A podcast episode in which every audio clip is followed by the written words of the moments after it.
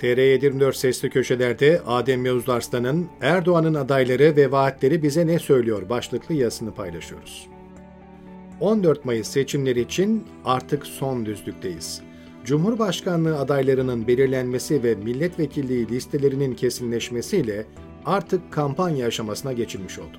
Bugün itibariyle adaylar, söylemler, vaatler ve yol haritaları belli geride kalan süre içinde nefesini, enerjisini doğru kullanan avantajlı hale gelecek. Bu aşamada Cumhurbaşkanı Erdoğan'ın salı günü açıkladığı seçim manifestosuna daha yakından bakmakta fayda var. Sonuçta tarihi bir yol ayrımındayız ve bu seçimlerde sadece Cumhurbaşkanı ya da milletvekilleri değil, Türkiye'nin geleceği de belirlenecek.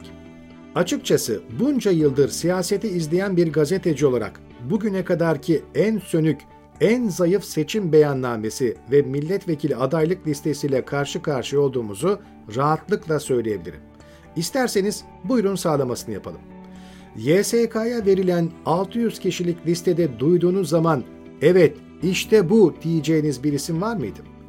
Erdoğan'ı en kritik seçime taşıyacak isim, çeyrek asırdır Ankara'yı yiyip bitiren Gökçek ailesinin haşarı oğlanı Osman Gökçek ya da en soldan en sağa uçan Hulki Cevizoğlu mu veya Hizbullah'ın devamı olarak boy gösteren Zekeriya Yapıcıoğlu mu sizde heyecan uyandırıyor?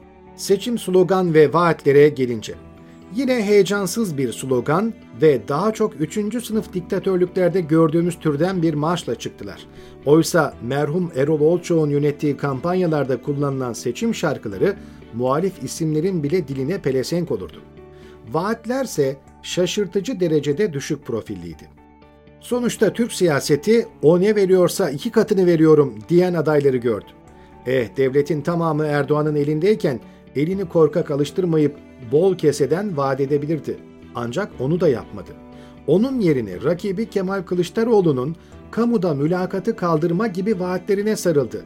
Sadece o değil, Kılıçdaroğlu'nun aile sigortası gibi projelerini de vaat etti uzun konuşmasında bol bol hizmet siyaseti vurgusu yaptı.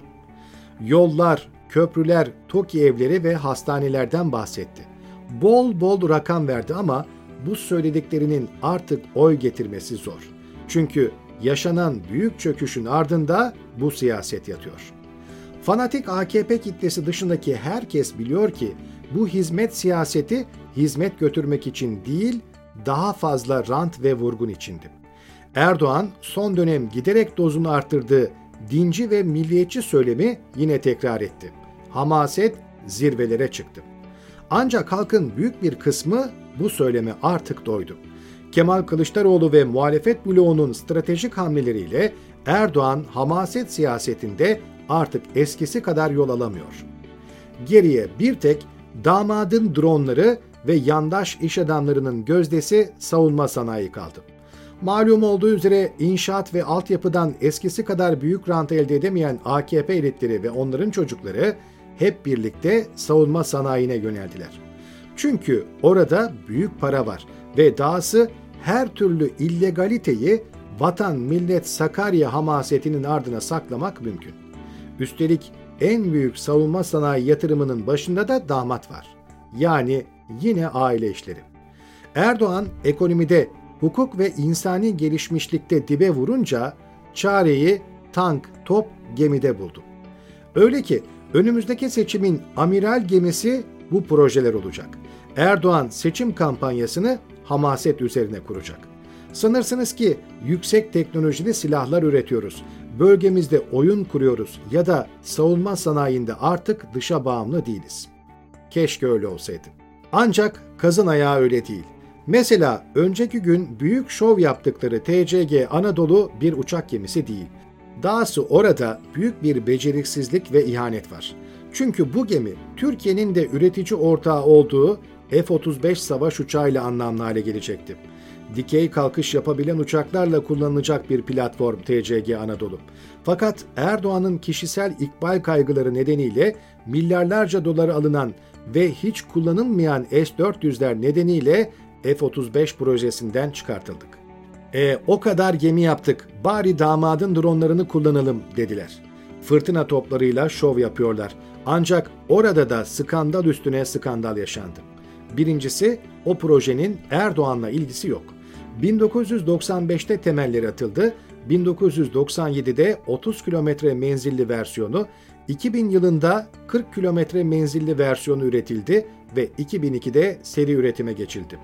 Fırtına projesinde AKP yok ama Arifiye Tank Palet Fabrikası'nın iç edilmesinde Erdoğan ve ailesi var. Çok övünülen TOK yerli ve milli değil, Atak helikopterlerinin ve Altay tanklarının motorları ithal. Damadın dronlarında birçok parça ithal. Listeyi uzatmak mümkün. Yani Erdoğan'ın ölüm kalım olarak gördüğü seçimi üzerine bina ettiği projelerde iddia edildiği gibi yerli ve milli değil. Ancak geride kalan 30 küsür gün boyunca bu hikayeleri dinleyeceğiz. Hamasetin, goy goyun her türlüsüne şahit olacağız. Peki bu projeler seçim kazandırır mı?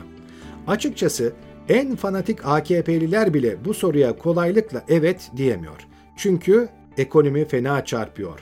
Yolsuzluklar AKP'li seçmenleri bile bıktırdı. Depremde yaşanan rezalet ortada. Milyonlarca insan ülkeden kaçabilmenin yollarını arıyor. İşte bu noktada milyon dolarlık soru karşımıza çıkıyor. Erdoğan neye güveniyor, ne planlıyor? Bir başka ifadeyle şapkadan nasıl bir tavşan çıkaracak?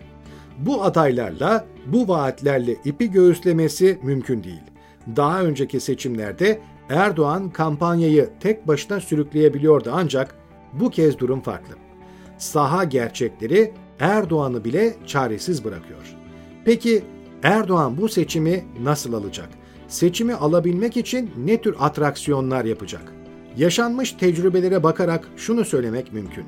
Erdoğan'ın şapkadan çıkaracağı tavşan daha çok acı, daha çok gözyaşı ve daha büyük felaketler getirecek. Bir başka ifadeyle zayıf bir Erdoğan, heyecansız adaylar ve albenisi olmayan seçim manifestosu akıllara kötü şeyler getiriyor.